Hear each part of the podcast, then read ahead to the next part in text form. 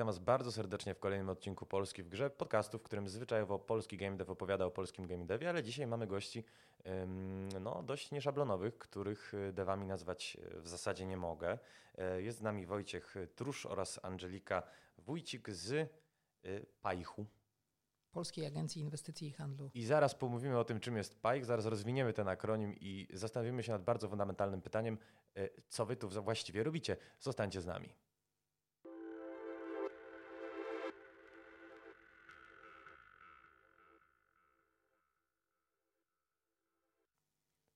Właśnie, Angeliko, Wojtku, e, jest, e, jaki jest wasz ulubiony film Wojtka Kieślowskiego?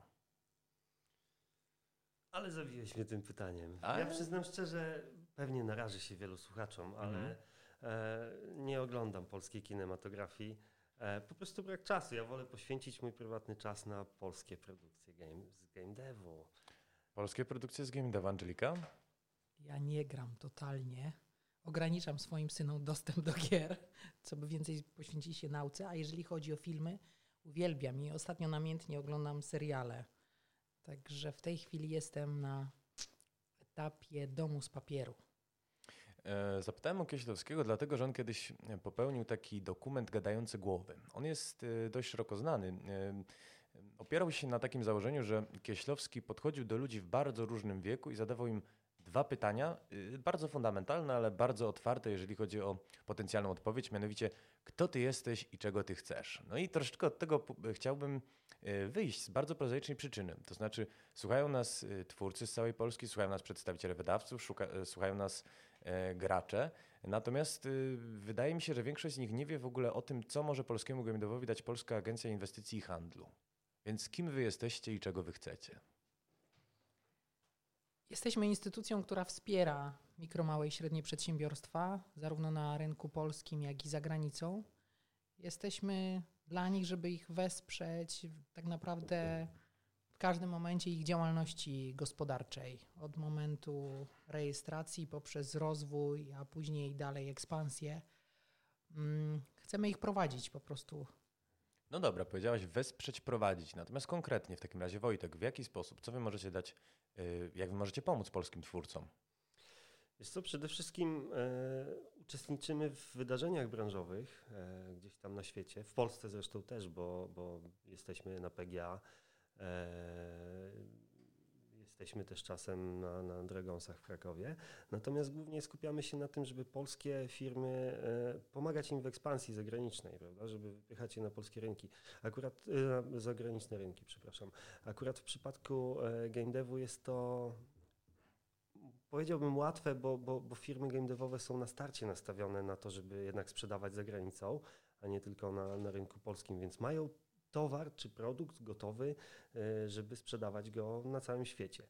I to jest łatwe. Natomiast e, też ta branża e, z naszego punktu widzenia może być też e, troszeczkę trudna, bo, bo sam proces produkcyjny jest skomplikowany. Natomiast e, wiem, że e, firmy, które się do mnie zwracają z prośbą o pomoc game devowe, często zwracają się o pomoc właśnie przy, przy procesie produkcyjnym. I tutaj Akurat my pomóc nie możemy, natomiast możemy pomóc e, wypromować e, te produkty gotowe bądź, bądź jeszcze nie gotowe gdzieś tam na rynkach e, zachodnich, wschodnich, południowych, no gdzie tylko sobie firmy zechcą, żeby się gdzieś tam na świecie pokazać. No dobra, y, pytanie w takim razie bazujemy na konkretach.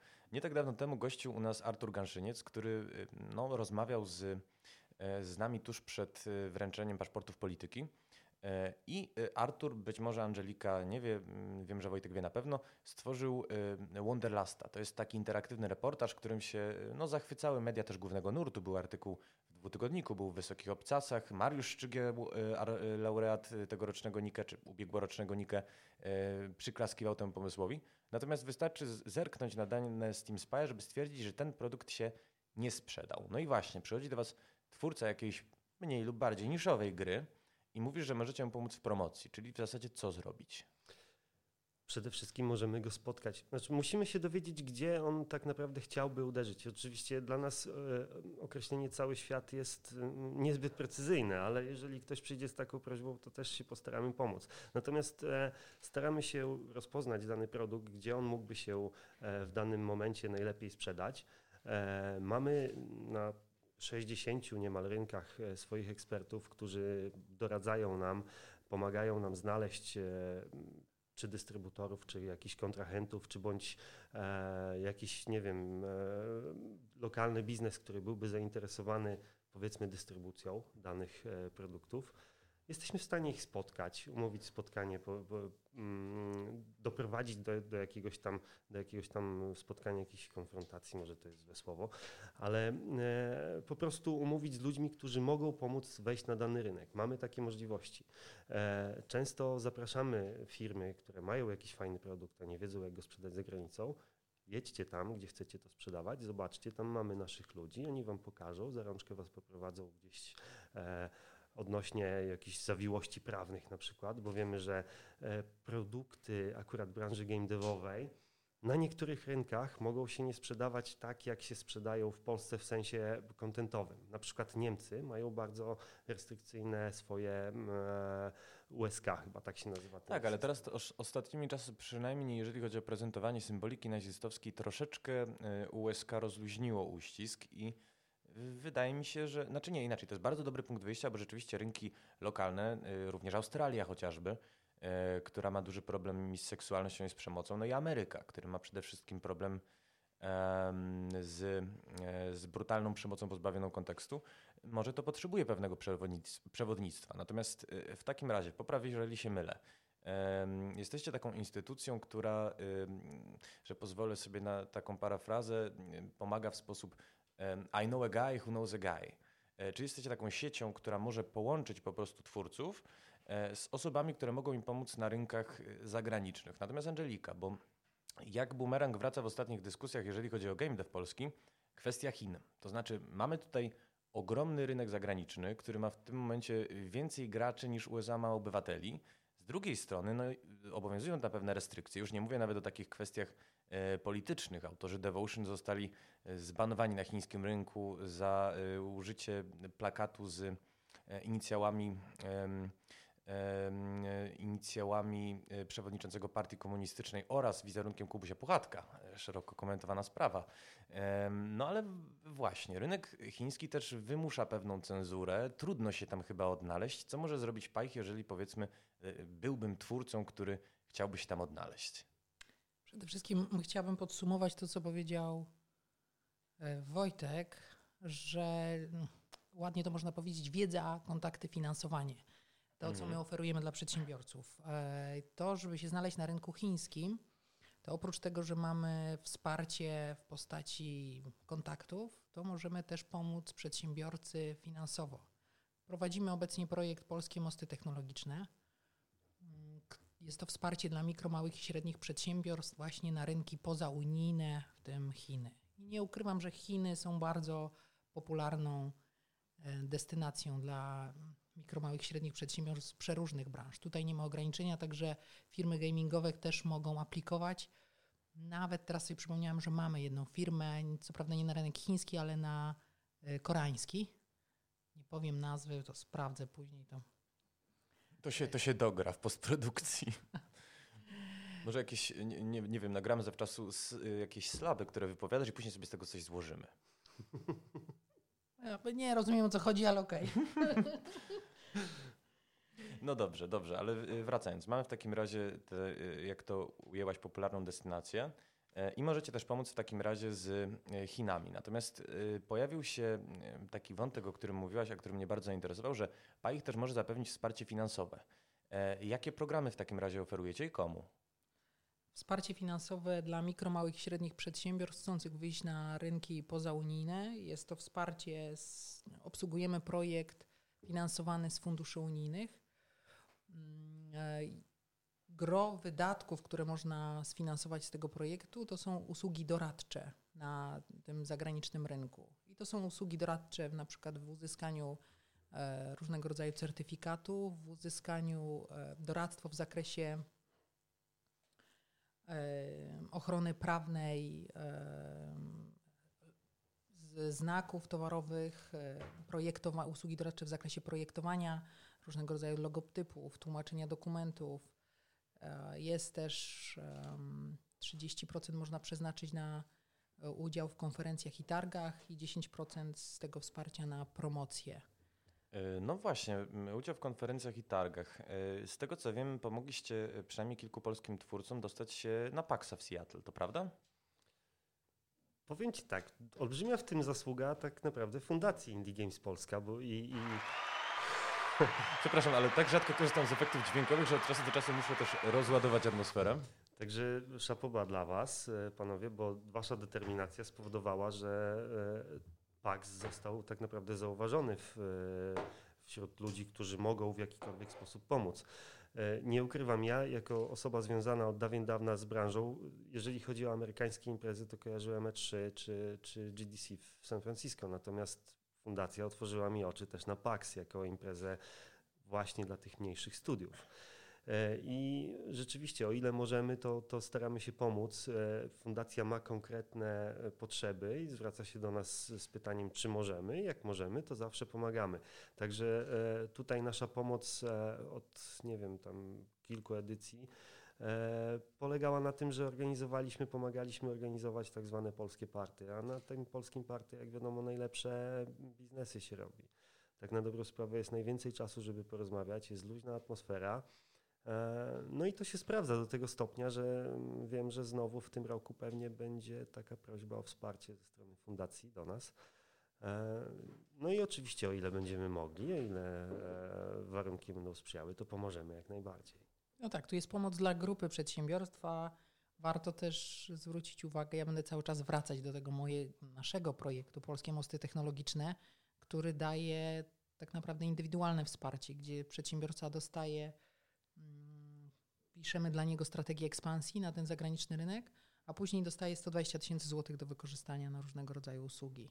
To znaczy? Przejdźmy się tym mostem, skoro tak wracamy do tego tematu. E, różnego rodzaju usługi, czyli rozumiem, że może przeznaczyć na doradztwo, może przeznaczyć na wyjazd na targi, na przykład na promocję może? Tak, tak, dokładnie. E, są tam też e, wydatki związane z targami, z działaniami informacyjno-promocyjnymi, ale przede wszystkim usługi różnego rodzaju usługi doradcze, wzornictwo opakowań, projektowanie katalogów, weryfikacja prawna i techniczna dokumentów, uzyskanie ochrony własności intelektualnej, mm, uzyskiwanie certyfikatów itd. Tak itd. Tak Także... Dobra, ważne kwestie, ale ciekawi mnie jedna rzecz. Bardzo często, jeżeli pojawiają się jakieś programy pomocy, czy rządowej, czy samorządowej, czy jakieś dotacje unijne, E, spotykam się z takim, no w zasadzie nie do końca zarzutem, ale z takim spostrzeżeniem, że małe zespoły, e, których mamy no, gro w polskim game devie, co zresztą wyniki badania Krakowskiego Parku Technologicznego dzisiaj, kiedy rozmawiamy upublicznione, pięknie obrazują. Zapraszam na polski game dev, żeby się w nie wczytać. Natomiast bardzo często Przedstawiciele tych małych studiów tłumaczą, że te programy są zbyt skomplikowane, że żeby aplikować trzeba albo mieć duży wkład własny, albo armię urzędników, którzy no wypełnią ten. Nic takiego nie ma miejsca, jeżeli chodzi o projekt PMT. Mhm. E, tworząc ten projekt, e, staraliśmy się, żeby wniosek był na tyle prosty, by nasi mikromali przedsiębiorcy nie musieli korzystać z usług e, firm konsultingowych. Poza mhm. tym nasz zespół jest do stałej dyspozycji wnioskodawców. Zawsze można do nas zadzwonić, zapisa- napisać i poradzić się. Udzielamy informacji, jak dobrze wypełnić wniosek. Poza tym przed każdym naborem organizujemy seminarium informacyjne, gdzie też jakby krok po kroku informujemy, jak taki wniosek wypełnić. I naprawdę, jeżeli ktoś miał jakiekolwiek doświadczenie w funduszach unijnych, to wie, e, już w tej chwili mamy jakby sygnały, że rzeczywiście ten nasz wniosek jest prosty, a poza tym no, pochwalę się, chwalą się, e, znaczy chwalą nas za, za, za e, pomoc, jaką udzielamy. Znaczy. Przepraszam, ale no samo się rzuciłem. Mam tak mało tych, naprawdę mam tak mało okazji, y, żeby użyć efektów to dźwiękowych. Ja tylko dodam Takich jeszcze... braw to jeszcze nie miałem. Woli wyjaśnienia. Oj, zły efekt dźwiękowy. Naprawdę, nie przesadzajmy z tym w takim razie. Wojtek, gwoli wyjaśnienia. Dodam tylko jedno, tak. tak. E, zabrzmi to może sztampowo, ale tak jest naprawdę, że sukces polskich firm E, osiągnięty przy naszej pomocy to jest też nasz olbrzymi sukces, więc my jesteśmy nastawieni na to, żeby te sukcesy osiągać. Zapraszamy firmy do nas, pomożemy. No, tyle. No dobra, ale w takim razie może skupmy się, nie chcę minorowych tonów wprowadzać w tę rozmowę, ale kiedy wniosek jest odrzucany? Jakie też błędy popełniają wasi wnioskodawcy? Wniosek jest odrzucany właściwie przede wszystkim, ponieważ jakby każdy nabór, na każdy nabór mamy ograniczoną ilość miejsc.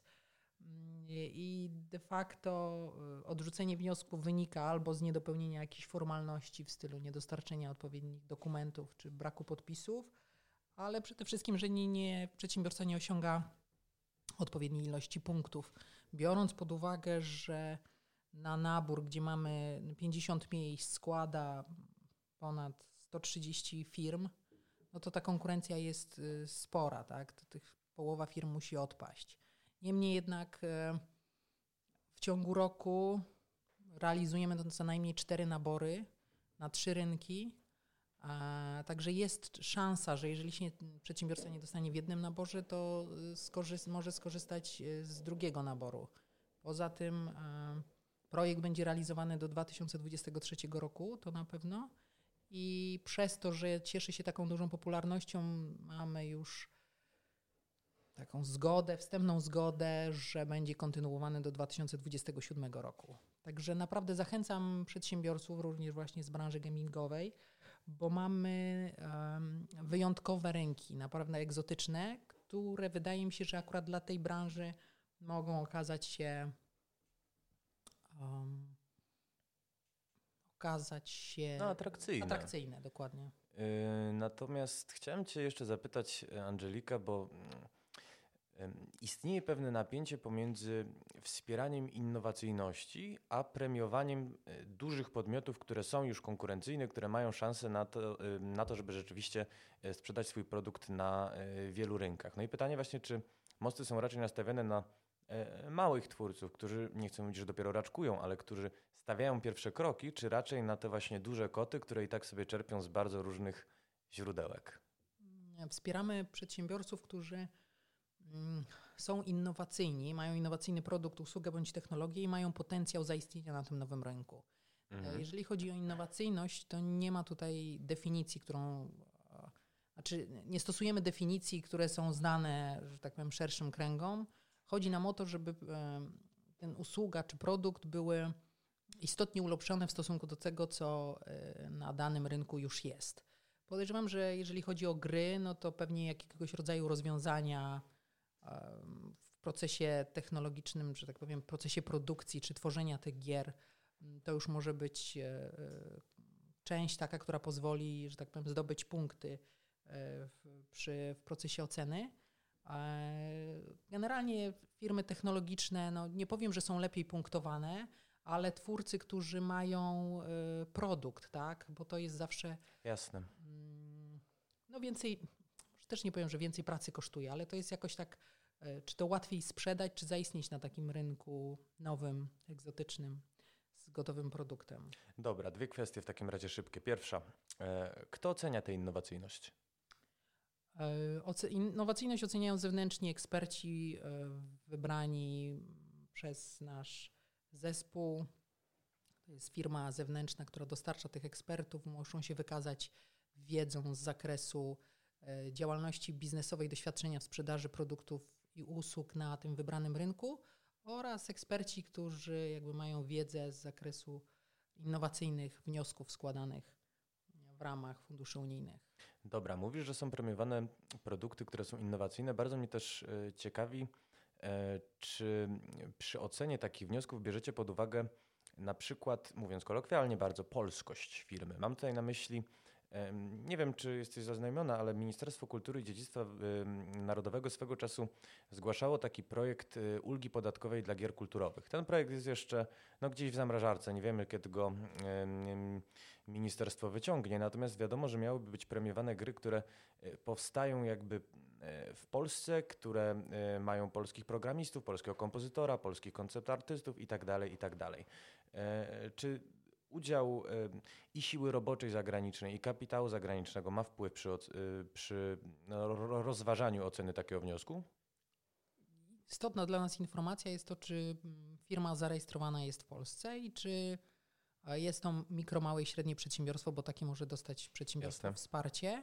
Oprócz tego, czy firma może otrzymać e, pomoc de minimis, bo jakby wsparcie w ramach tego naszego projektu jest w tak zwanej formule de minimis, czyli to jest każdy przedsiębiorca, mikro, mały i średni może otrzymać wsparcie de minimis, to jest 200 tysięcy euro przez, w ciągu trzech lat. Nasze wsparcie to jest do 200 tysięcy złotych. Um, jakby i no prosto, że tak powiem. Czyli czekaj, 120 tysięcy złotych jest na 120 tysięcy złotych to jest gotówka na Aha. usługi do wykorzystania na tym rynku zagranicznym, natomiast drugi komponent, druga część tej, tej puli, e, dobijając do tych 200 tysięcy złotych, to jest przeznaczone na e, udział w warsztatach, na których przedsiębiorstwa poznaje ten nowy rynek, z konsultacje z ekspertem w celu 40 godzin konsultacji z ekspertem w celu zbudowania strategii ekspansji dla tego przedsiębiorcy. No i już jakby wynikiem tego jest sama strategia ekspansji. Jakby mówimy, że wsparcie jest do 200 tysięcy złotych, bo to w zależności od tego, jaki będzie koszt tego warsztatu i strategii ekspansji. Ale generalnie to jest właśnie strategia ekspansji plus 120 tysięcy złotych do zdobycia. Dobra, dobra. W takim razie 200 tysięcy e, leży, nie, nie, mówię, że na podłodze, ale wystarczy po nie sięgnąć. E, Wojtek, ponieważ e, rozmowa nam przybrała taki dość poważny obrót, bo już rozmawiamy o konkretnych kwotach, rozmawiamy o tym, kto ocenia, rozmawiamy o, um, o zwiększaniu innowacyjności. Chciałem Ciebie zapytać, może poniekąd naiwnie, natomiast jaką wyście zrobili taką rzecz najfajniejszą jako ja, jako gracz, jako też odbiorca w ogóle polskich gier, powinienem poznać, o jakiej powinienem usłyszeć. Ale w kontekście tej branży, czy w ogóle? W kontekście tej branży. E, najfajniejsze dopiero przed nami, tak na dobrą sprawę. Chciałem o tym wspomnieć, e, bo robimy pawilon w Dubaju. W Singapurze, tak. A, mhm. Expo w Dubaju. Tak, tak, to, tak. Będzie, to się zaczyna jesienią tego roku. E, wiem, że trwają rozmowy, żeby pokazać, żeby pokazać tam właśnie nasze produkty tej branży. To jest mhm. coś, co zawsze przyciąga ludzi, a jeżeli chodzi o Expo, to właśnie na tym nam zależy. Ja pamiętam, jak zaczynałem pracować przy promocji tej branży, to było już w 2009 roku i zacząłem od, od targów CEBIT, które w ogóle nie są jakby związane z tą branżą, ale pokrewne, bo dotyczyły, dotyczyły bo już ich nie ma, mm, e, branży nowych technologii. E, pierwsze nasze stoisko, gdzie prezentowaliśmy polskie gry, to był 2010 rok i miałem porównanie ilość odwiedzających nas osób w 2009 versus 2010, to była tak kolosalna różnica, że naprawdę wszystkim, którzy tam wtedy uczestniczyli w tych wydarzeniach, otworzyły się oczy na to, że to jest magnes dla, na ludzi, dla ludzi, prawda? I teraz chcielibyśmy też e, przy okazji e, Expo pewnie skorzystać też z tego magnesu, bo jest to bardzo atrakcyjny produkt, no nie ma co ukrywać gry przyciągają, są atrakcyjne, są ładne, są wciągające, a Polacy umieją to robić, więc mm, chwalmy się tym wszędzie. I brawa tu powinny być. Jak mówię, nie umiem obsługiwać tej konsoli. Słuchajcie, za rzadko korzystam z efektów dźwiękowych. Bardzo dobry efekt. Dziękuję. Natomiast e, skoro za nami już takie krotochwilne spostrzeżenia, chciałem Was zapytać, bo nieuchronnie mam wrażenie, że ta rozmowa ku temu zmierza. To znaczy, Wasza działalność mająca na celu wypromować innowacyjność, mająca na celu prezentować polskie produkty poza rynkami unijnymi, e, prowadzi nas do pojęcia dyplomacji kulturowej. To znaczy, e, bardzo często ostatnimi czasy w kontekście chociażby tej konferencji, którą mieliśmy w grudniu, Gaming na giełdzie, czy patriotyzm się e, opłaca, padały takie pytania, czy my powinniśmy promować jako game dev w ogóle dzieła Sienkiewicza, jak postulował swego czasu premier Morawiecki, czy powinniśmy adaptować e, znane Polakom wydarzenia historyczne, jak e, starał się zrobić Pixelated Milk z Warsaw? Czy może powinniśmy postawić na e, troszeczkę innego konia? To znaczy zaprezentować Polskę jako nowoczesny kraj, w którym no, potrafimy robić te gry, jesteśmy w, forpoczcie w ogóle rozwiązań technologicznych i może to jest jakaś łatka, którą powinniśmy sobie przyklejać, a niekoniecznie nacierać się martyrologią, powstaniami, i, i e, jakimiś takimi wydarzeniami, które są bliskie polskiemu odbiorcy, ale które chyba trudno jest przeszczepić na zachód, a jeszcze trudniej na wschód.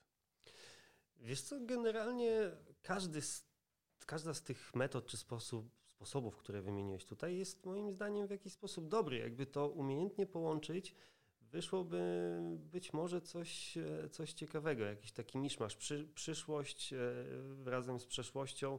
My mamy ciekawą historię. Zobacz. Jednym o przyszłość, drugim o przyszłość uderzę, że naszego wieszcza zacytuję. Ale mów dalej, przepraszam. Ale zobacz, że, że gry, które dotyczyły jakiegoś tam elementu historii, nie mówię o historii Polski, ale w ogóle o historii e, świata, czyli na przykład seria o słynnych asasynach ze, z jednego z francuskich studiów, zrobiły naprawdę e, furorę na świecie. Przecież to jest seria, która jest ciąg ciągnięta już naście lat i cały czas znajduje odbiorców, cały czas czerpie właśnie z historii. Oczywiście oni teraz poszli tam w jakieś e, elementy fantazy gdzieś tam po drodze, ale to z korzyścią moim zdaniem, więc moglibyśmy tak naprawdę próbować to jakoś połączyć. Niekoniecznie stawiać cały czas na jednego konia. W sensie jak ktoś tam e, e, wymyśli, że fajnie byłoby gdzieś tą naszą historię poniekąd tragiczną pokazywać w grach, no to jasne, róbmy to, ale róbmy to jako element e, gry. To by, było, to by było super. To się może udać i ja wierzę, że to się uda. E, pamiętam przed premierą jeszcze Warsaw rozmawiałem z Krzyśkiem Paplińskim i on mi takie bardzo dobre zdanie powiedział, że on przede wszystkim robi grę. To, że ona się dzieje w realiach powstania warszawskiego jest absolutnie drugorzędne, bo jeżeli to nie będzie dobra gra, jeżeli nie będzie miała dobrych y, mechanizmów, jeżeli nie będzie dobrze zbalansowana, to się nią po prostu nikt nie zainteresuje. Natomiast mówisz o asasynach, które są tutaj całkiem dobrym przykładem, wydaje mi się, ale one też traktują historię w taki sposób, no, jakiegoś punktu wyjścia. Trochę, trochę ona jest właśnie baśniowa. To asasyny nie mają być kronikami historycznymi, chociaż wprowadzane są jak na przykład w e, Origins, czy chyba też w Odyssey, te tryby edukacyjne, takie, tak, tak, tak, takie muzealnicze wręcz, e, co oczywiście jest bardzo ciekawe. Natomiast zastanawiam się też, e, czy my jako Polacy mamy do sprzedania jakąś narrację, która rzeczywiście by chwyciła. Bo zauważcie, że to z kolei jest zdanie czy pogląd, który kiedyś wyrazili pracownicy Platy Gimasz, e, ale bardzo według mnie celnie, że e, my też myślimy trochę po amerykańsku. Jeżeli e, myślimy o sądzie, zakładam, że mogliście kiedyś być, ale bardzo często myślimy o sądzie amerykańskim, bo Go znamy z filmów, go znamy z seriali, go znamy z książek. Jego organizacja jest, pod, jest nam dobrze znana. Pod powiekami mamy widok amerykańskiej sali sądowej. Zastanawiam się, czy jesteśmy w stanie właśnie jako Polska narzucić pewną narrację, co nam się poniekąd udało przy Wiedźminie, ale czy są takie, e, czy są jakieś inne komponenty tej historii Polski, naszej kultury, które byłyby dla zachodniego odbiorcy interesujące i wschodniego? Ja może powiem, e, co prawda nie jestem specjalistą od gier, ale Wiedźmina już obejrzałam. Dobra, nie, nie grałam w niego, ale obejrzałam serial. Chciałem puścić y, oklaski. Przepraszam najmocniej. Ja naprawdę jeszcze się tym nie orientuję każdym razie wydaje mi się, że jakby robienie gry tylko na jakimś aspekcie, że przedstawiamy, nie wiem, dzieje Polski w latach i takich, jakiegoś okresu, to w mhm. ogóle nie znajdzie odbiorcy, pewnie jakieś małe grono. Natomiast wyjęcie pewnych e, elementów, na przykład, nie wiem, nasza słynna husaria, gdzie później wstawić ją jako bohater e, innej wielkiej e, akcji, czy, czy, czy kolejnego bohatera. Jest w kozakach chociażby strategicznych. A, tak, czy, czy, czy, czy jakby znalezienie takich bohaterów, czyli takich wyróżniających się elementów naszej historii i wplecenia go w to w grę, która znajdzie odbiorców na całym świecie, bo tak naprawdę no, promocja promocją, idea ideami, ale tak naprawdę liczy się zysk i to, czy ta firma znajdzie odbiorców, rzesze odbiorców, a nie tylko dwóch, trzech. Wojtek? Tak jak, tak jak wspomniałeś, e, ważne jest tak naprawdę wiele elementów grze. Mechanika, nie wiem, to jaka to jest gra, jak, jest, e, jak są przedstawieni i poprowadzeni bohaterowie danej gry, ale jeżeli chodzi o historię Polski, to my mieliśmy wiele momentów e, i wydarzeń, które mogłyby stanowić fantastyczne tło dla, dla gier. Na przykład, nie wiem, no, bitwa pod Grunwaldem. Wokół tego obudować jakąś historię. Tam był konflikt wieloletni między Polską a, a, a państwem krzyżackim. Czy, czy wcześniejsze jeszcze dzieje rozbicie dzielnicowe. Tu można fajną strategię wokół tego zbudować. I fajnie sprzedać tą historię nienachalnie, nie, nie, nie wciskając tam jakichś faktów historycznych graczowi prosto w oczy, jako tło po prostu. I to myślę, że można wokół tego zbudować bardzo fajny produkt. Tylko czy tak się dzieje? I nie mówię tutaj tylko w kontekście Polski, ale spójrz, chwalimy sobie e, game dev francuski jako coś, co ma taką silną tożsamość i przede wszystkim game dev japoński. Natomiast e, nie wydaje mi się, żeby akurat nasze medium było dobre przy prezentowaniu jakichś takich narracji istotnych dla Japończyków czy Francuzów, czego dowodem fakt, że nie jestem sobie w stanie przypomnieć żadnej francuskiej gry historycznej czy japońskiej gry historycznej. Powiem więcej, jestem sobie w stanie przypomnieć grę o historii Francji, to jest nasze polskie We The Revolution. Masz rację. Prawda? Znaczy, nie, nie, wiecie, zastanawiam się, czy nie powinniśmy troszeczkę zrzucić takich okowów myślenia o grach wideo jako o takim instrumencie no, propagandy de facto. Bo, Edukacji. no, tak, edukacji czy propagandy, bo to się nie sprzedaje. Natomiast jeżeli te procesy będą w tle, jeżeli będziemy w stanie gdzieś o nich opowiedzieć niejako przy okazji, no to bardzo dobrze, ale korzyść, jaką mamy w ogóle z produkcji dobrej gier jest niebagatelna, bo tą korzyścią jest po prostu fakt, że ja sobie wyjeżdżam na E3, na Gamescom, na PAXa czy, czy gdziekolwiek, e, albo nawet nie na event branżowy, padnie hasło Wiedźmin i od razu się pojawia marka polska. No dokładnie, to jest pytanie, czy stworzyć grę w stylu Wiedźmin i później rzesza ludzi z całego świata będą przyjeżdżali do Polski i zastanawiali się, hej, w którym z tych miejsc kolega Sapkowski wyobraził sobie tą i tą historię, tak? Gdzie, gdzie to się zadziało? No, można pomyśleć, że powstanie, czy tam, nie wiem, ktoś założy działalność i powie, że e, poprowadzi mapę mm, śladami Wiedźmina po Polsce. Można, można. E, Słuchajcie, no nie tak dawno temu, e, jeżeli już sobie dyskutujemy o Wiedźminie, mieliśmy premierę serialu, o którym już dzisiaj Angelika wspomniałaś, a który też był częściowo kręcony w Polsce, między innymi na Zamku w Ogrodzieńcu, gdzie się rozgrywa bitwa, e, bitwa o Soden, między innymi tam, no bo to jest w ogóle sklejka również chyba planów e, z Węgier, jeżeli się nie mylę. E, No i Tomek Bagiński już zapowiedział, że będzie szukał tych, tych planów takich polskich, czy planów w Europie Środkowo-Wschodniej więcej. Także no kto wie, czy jakaś taka turystyka serialowa nas również nie spotka. Dokładnie. A są już firmy, które właśnie promują turystykę taką poprzez czytań, czytane książki czy e, oglądane filmy i można, że są aplikacje, które można sobie właśnie w ten sposób e, zwiedzać kraj poprzez miejsca e, znalezione w grach czy, czy, czy książkach. Jeśli mogę teraz się tutaj wtrącić, chciałbym zadać Ci pytanie. Ojej, to jakieś odwrócenie stolika. Tak, dokładnie. Bardzo odwracamy nieszablonowe. stolik. Mhm. E, rozumiem, że Wiedźmin Ci się podobał. Mówię o, o Wiedźminie trzecim. I teraz pytanie, Mhm. jeżeli tak, zakładam, że tak, to dlaczego? Bo jest polski. nie, nie, wiesz co, inaczej. Oczywiście, dlaczego mi się podobał Wiedźmin? Yy, Pytanie jest bardzo... Jakby odpowiedź musi być obszerna. To znaczy, z jednej strony mam RPG, który wychodzi w podobnym okresie do Dragon Age'a Inkwizycji, który był absolutną kapitulacją, po prostu jakimś... ym, jakąś skłębieniem fetch questów. Widzę, że tutaj e, nasza interlokutorka trochę wzrusza ramionami, trochę unosi brwi. Natomiast okej, w takim razie postaram się wytłumaczyć to w sposób, który będzie przyswajalny dla wszystkich. Być może zresztą mamy e, słuchaczy, którzy nie są graczami. Wątpię, ale y, będzie to ciekawy eksperyment. Wiedźmin 3 to jest rozbudowany narracyjnie RPG, czyli ym, pochodzi jak... Tak, to to Okej, rozumiem. Okej, dobrze, to nie bazujemy na takich podstawach, który jest o tyle ciekawy, że y, kiedy wychodził, y, wydawałoby się, że los wysokobudżetowych przedstawicieli gatunku jest trochę przesądzony. To znaczy zmierzamy nie w stronę y, fabularyzowanych, długich zadań pobocznych, tylko masy takich powtarzalnych czynności typu zbierz pięć roślinek, zabij 10 potworów, nieobudowanych fabularnym kontekstem. Tymczasem on zaoferował świat, który rzeczywiście był bardzo duży, bardzo otwarty, a w dodatku e, czaiło się w nim, no, czaiła się w nim masa fabularnych miniatur. E, W dodatku, no jasne, że różnie napisanych, ale nie spadających poniżej pewnego poziomu. E, Dodajmy, że no, wygrywał tym czym Sapkowski. To znaczy o Sapkowskim bardzo często się mówi, że on jest e, pisarzem, który tworzy jakieś słowiańskie fantazy czy polskie fantazy, co jest, wybacz, e, brzydką kalkę. E, Natomiast, e, dobra, chciałem przekląć, może nie powinienem tego mówić w audycji, tym bardziej, że nie chcę dokładać naszej postprodukcji roboty. Natomiast jest to nieprawda. To znaczy masz tam w zasadzie takie kłębowisko różnych mitów i wierzeń. Masz gule czy dżiny, które przecież pochodzą z baśni arabskich. Masz elementy baśni braci Grimm. Masz elementy baśni Andersena.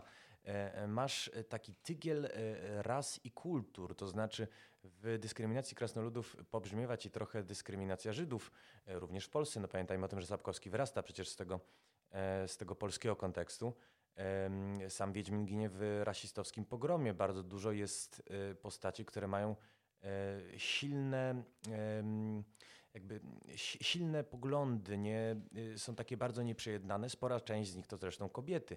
Także mamy tutaj takie ciekawe, progresywne fantazy łączące bardzo wiele różnych wrażliwości, bardzo wiele różnych mitów. Jest to, wydaje mi się, narracja y, o tyle ciekawa, że troszeczkę przyzwyczailiśmy się myśleć o fantastyce w sposób zachodni. E, czyli mamy te utarte schematy, mamy te potwory, które są w zasadzie kalkami mniej lub bardziej Dungeons and Dragons i nagle pojawia się Sapkowski, który oczywiście czerpie z Dungeons and Dragons, czego najlepszym dowodem Smoki.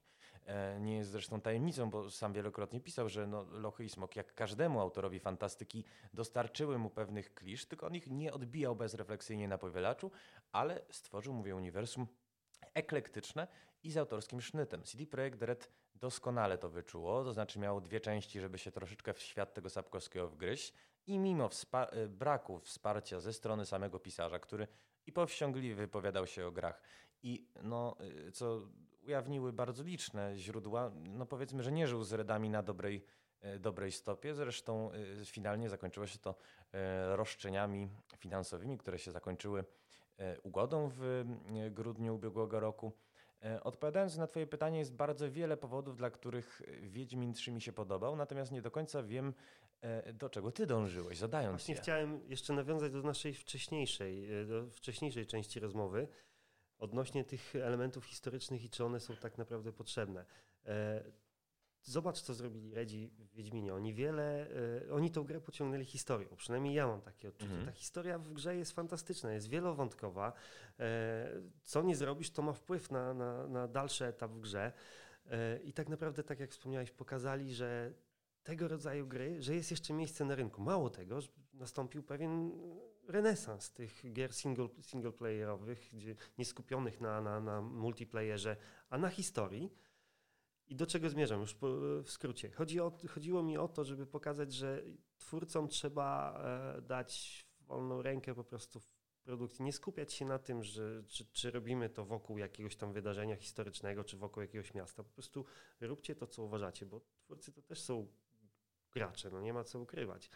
E, to są, przepraszam za słowo, zajawkowicze, którzy po prostu robią to, co kochają robią to dla siebie i dla, dla klientów, więc generalnie, żeby wyszedł dobry produkt, żeby wyszedł produkt, który się sprzeda i zaś gdzieś tam na świecie, to trzeba dać im wolną rękę, bo mamy w Polsce wiele produkcji, nie tylko Wiedźmin. Wiedźmin jest to oczywiście najpopularniejszy, ale mamy produkcję wrocławskiego studia Techland, Dying Light na przykład. Dla mnie jedna z gier tej generacji. No, e, jeżeli chodzi o, o, o, polskie gry, to jest absolutny top tej generacji.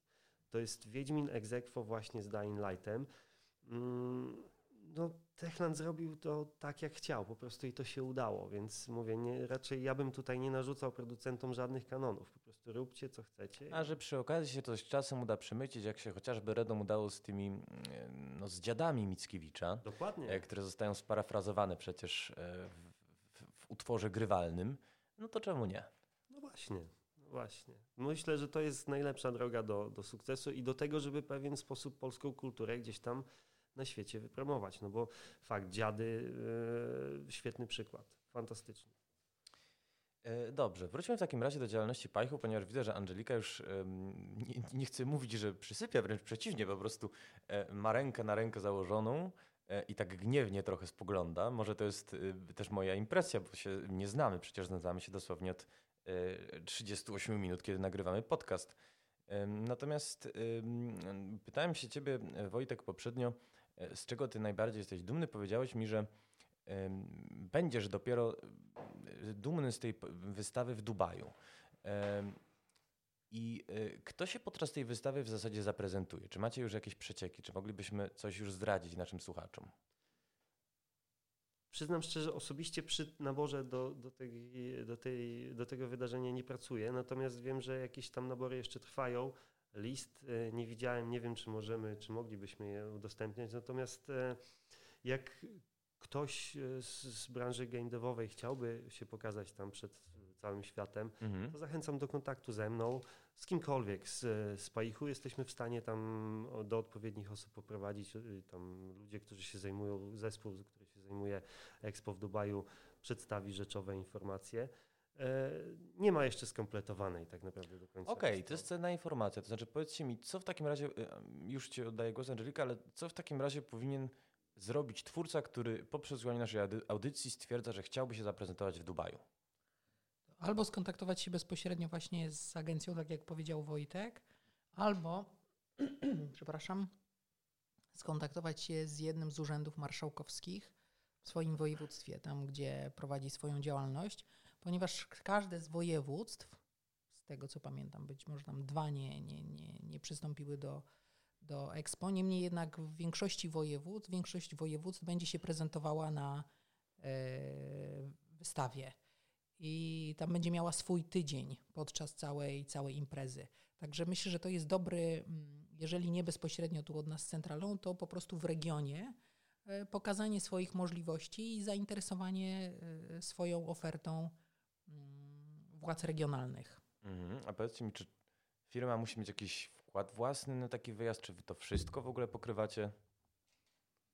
Tutaj jest, y, to jest znaczy nie chciałabym mówić tak, bo mimo, że się sąsiaduję z pokojem Expo, nie chciałabym mówić za koleżanki i kolegów, e, bo aż takich szczegółów nie znam. Natomiast e, generalnie jest to e, finansowane przez samego przedsiębiorcę, taki udział w wydarzeniu, ale jakby z naszej strony jest to promowane na tej zasadzie, że no, rzesza ludzi, która odwiedzi tą wystawę przez te półtora roku? Nie, czy 6 miesięcy, jak nie pamiętam. Dłuższy, jak, dłuższy czas. W każdym razie rzesza ludzi z, nie tylko e, ze Zjednoczonych Emiratów, ale tak naprawdę z całego świata, która się tam przewinie i będzie mogła e, wejść do naszego pawilonu polskiego, który jest naprawdę w bardzo eksponowanym miejscu całej tej, całego tego parku, że tak powiem, wystawowego Y, no, myślę, że, że jest dużą, y, daje duże możliwości, żeby zaistnieć, no, jak mówię, nie tylko na rynku ZEA, ale i na rynku światowym. Y, korzystając z faktu, że mam przed sobą ekspertów, no właśnie, od rynku światowego, chciałem Was zapytać, bo nie jest tajemnicą, że gry wideo coraz częściej stają się, i wybaczcie mi górnolotne sformułowanie, pewnym instrumentem wojny kulturowej, również wojny handlowej, jaka się toczy pomiędzy Waszyngtonem a Pekinem. Nie tak dawno temu mieliśmy wspólne oświadczenie Sony, Nintendo i Microsoftu, które no, produkują w Chinach 96% konsol później importowanych do USA, e, które no, w zasadzie myślą o tym, żeby wycofać te fabryki z Chin ze względu na napiętą sytuację, to znaczy mam na myśli wojnę handlową między Trumpem a Xi. Nie jest też tajemnicą, e, Wojtek na pewno znasz sprawę, że e, mieliśmy w drugiej połowie ubiegłego roku słynny e, no, Hearthstone Gate. Wyjaśnia Angelice, że jeden z graczy Hearthstone Grandmasters, bardzo popularnej gry wideo Blizzarda, no, podczas audycji zakrzyknął wolność dla Hongkongu, rewolucja naszych czasów. Nie muszę mówić, że no, Chińskiej Republice Ludowej nie jest w smak takie określenie, niestety albo stety, no Blizzard jako producent gier free to play i karcianek kolekcjonerskich jest no, w Chinach bardzo mocny, więc nie może sobie pozwolić na to, żeby e, taka sytuacja pozostała bez, bez zająknięcia ze strony nowy wydawcy i twórcy tych gier. E, hamletyzowano, zarząd bardzo długo hamletyzował w tej sprawie. Najpierw tego gracza zawieszono, później go tam zawieszono ale na krótszy okres, prowadzących wyrzucono, później ich przywrócono. No, generalnie bardzo się starano doprowadzić do sytuacji, w której i wilk syty będzie i owca cała. Natomiast mnie interesuje, jako że, jako się rzekło, jesteście tutaj ekspertami, jak wypromować grę czy produkt szerzej na tak różnych rynkach? Jak dotrzeć do odbiorców, którzy mają no, inne narracje w ogóle o świecie, inne potrzeby, inaczej spędzają czas, inaczej dobierają produkty rozrywkowe? To jest. Y na pewno to jest ogromne wyzwanie dla samego przedsiębiorcy, żeby, że tak powiem, odrobić taką e, pracę domową w Polsce, e, zorientować się najpierw, e, jakim sami, sama ma firma potencjał, co może zaoferować, jaki jest, jakie są konkurenci na tym rynku docelowym, na którym by chciała zaistnieć. Oczywiście może się posiłkować informacjami uzyskanymi w naszej instytucji, w naszej agencji, w zagranicznych placówkach, tak zwanych zagranicznych biurach handlowych. ale,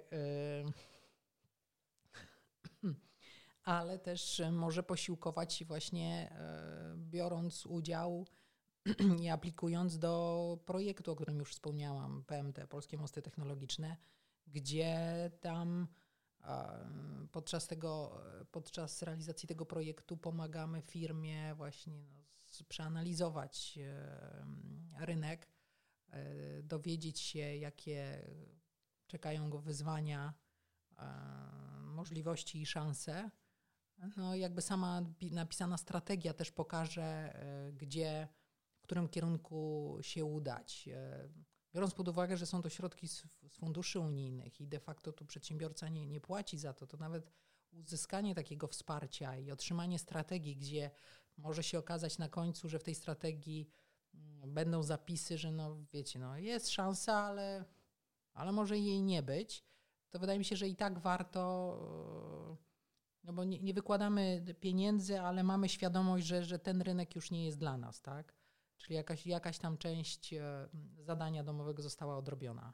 No, na, na, pewno nie e, chcąc eksportować w ogóle i chcąc zaistnieć na nowych rynkach, nie można być e, totalnie zielonym i nieświadomym, czego się chce. Są u nas w agencji eksperci branżowi, którzy też jakby naprowadzają przedsiębiorców w zależności od tego, e, jaki to jest sektor. Mogą, i tu jest taki jakby e, ten pierwszy kontakt, zanim skontaktuje się przedsiębiorca z zagranicznym biurem handlowym, no to na tu tam miejscu w Warszawie może uzyskać e, wstępne informacje na temat danego sektora na danym rynku. Nie wiem, jakie imprezy, jakie y, y, są ważne dla, dla tego sektora, czy, czy, czy nie wiem, y, jakiego rodzaju certyfikaty mm, powinien uzyskać. E. Angelika, ja ci muszę powiedzieć, że ty jesteś naprawdę wytrawnym graczem. To znaczy, e, troszeczkę się czuję jak mąż e, e, który no, w zasadzie tak czeka na puentę tej baśni, czeka, czeka, czeka i sobie zdaje sprawę, że muszę właśnie iść, pogadać z waszymi ekspertami i się dowiedzieć o tych realiach. Także naprawdę szapoba, nie wiem ile zarabiasz, ale nie dość. Y, Wojtek widzę, że chce natomiast coś dopowiedzieć i zobaczymy, czy Wojtek, Wojtek zasłużył. zarabia więcej. No to zobaczymy, czy zasłużył w takim razie na to, żeby zarabiać więcej. A skąd ty wiesz, ile ja zarabiam? No coś. Wojtek, Chiny, y, Chiny i Washington, czy Waszyngton, przepraszam, po polskiej wymowy powinienem oczywiście użyć, jesteśmy w Warszawie.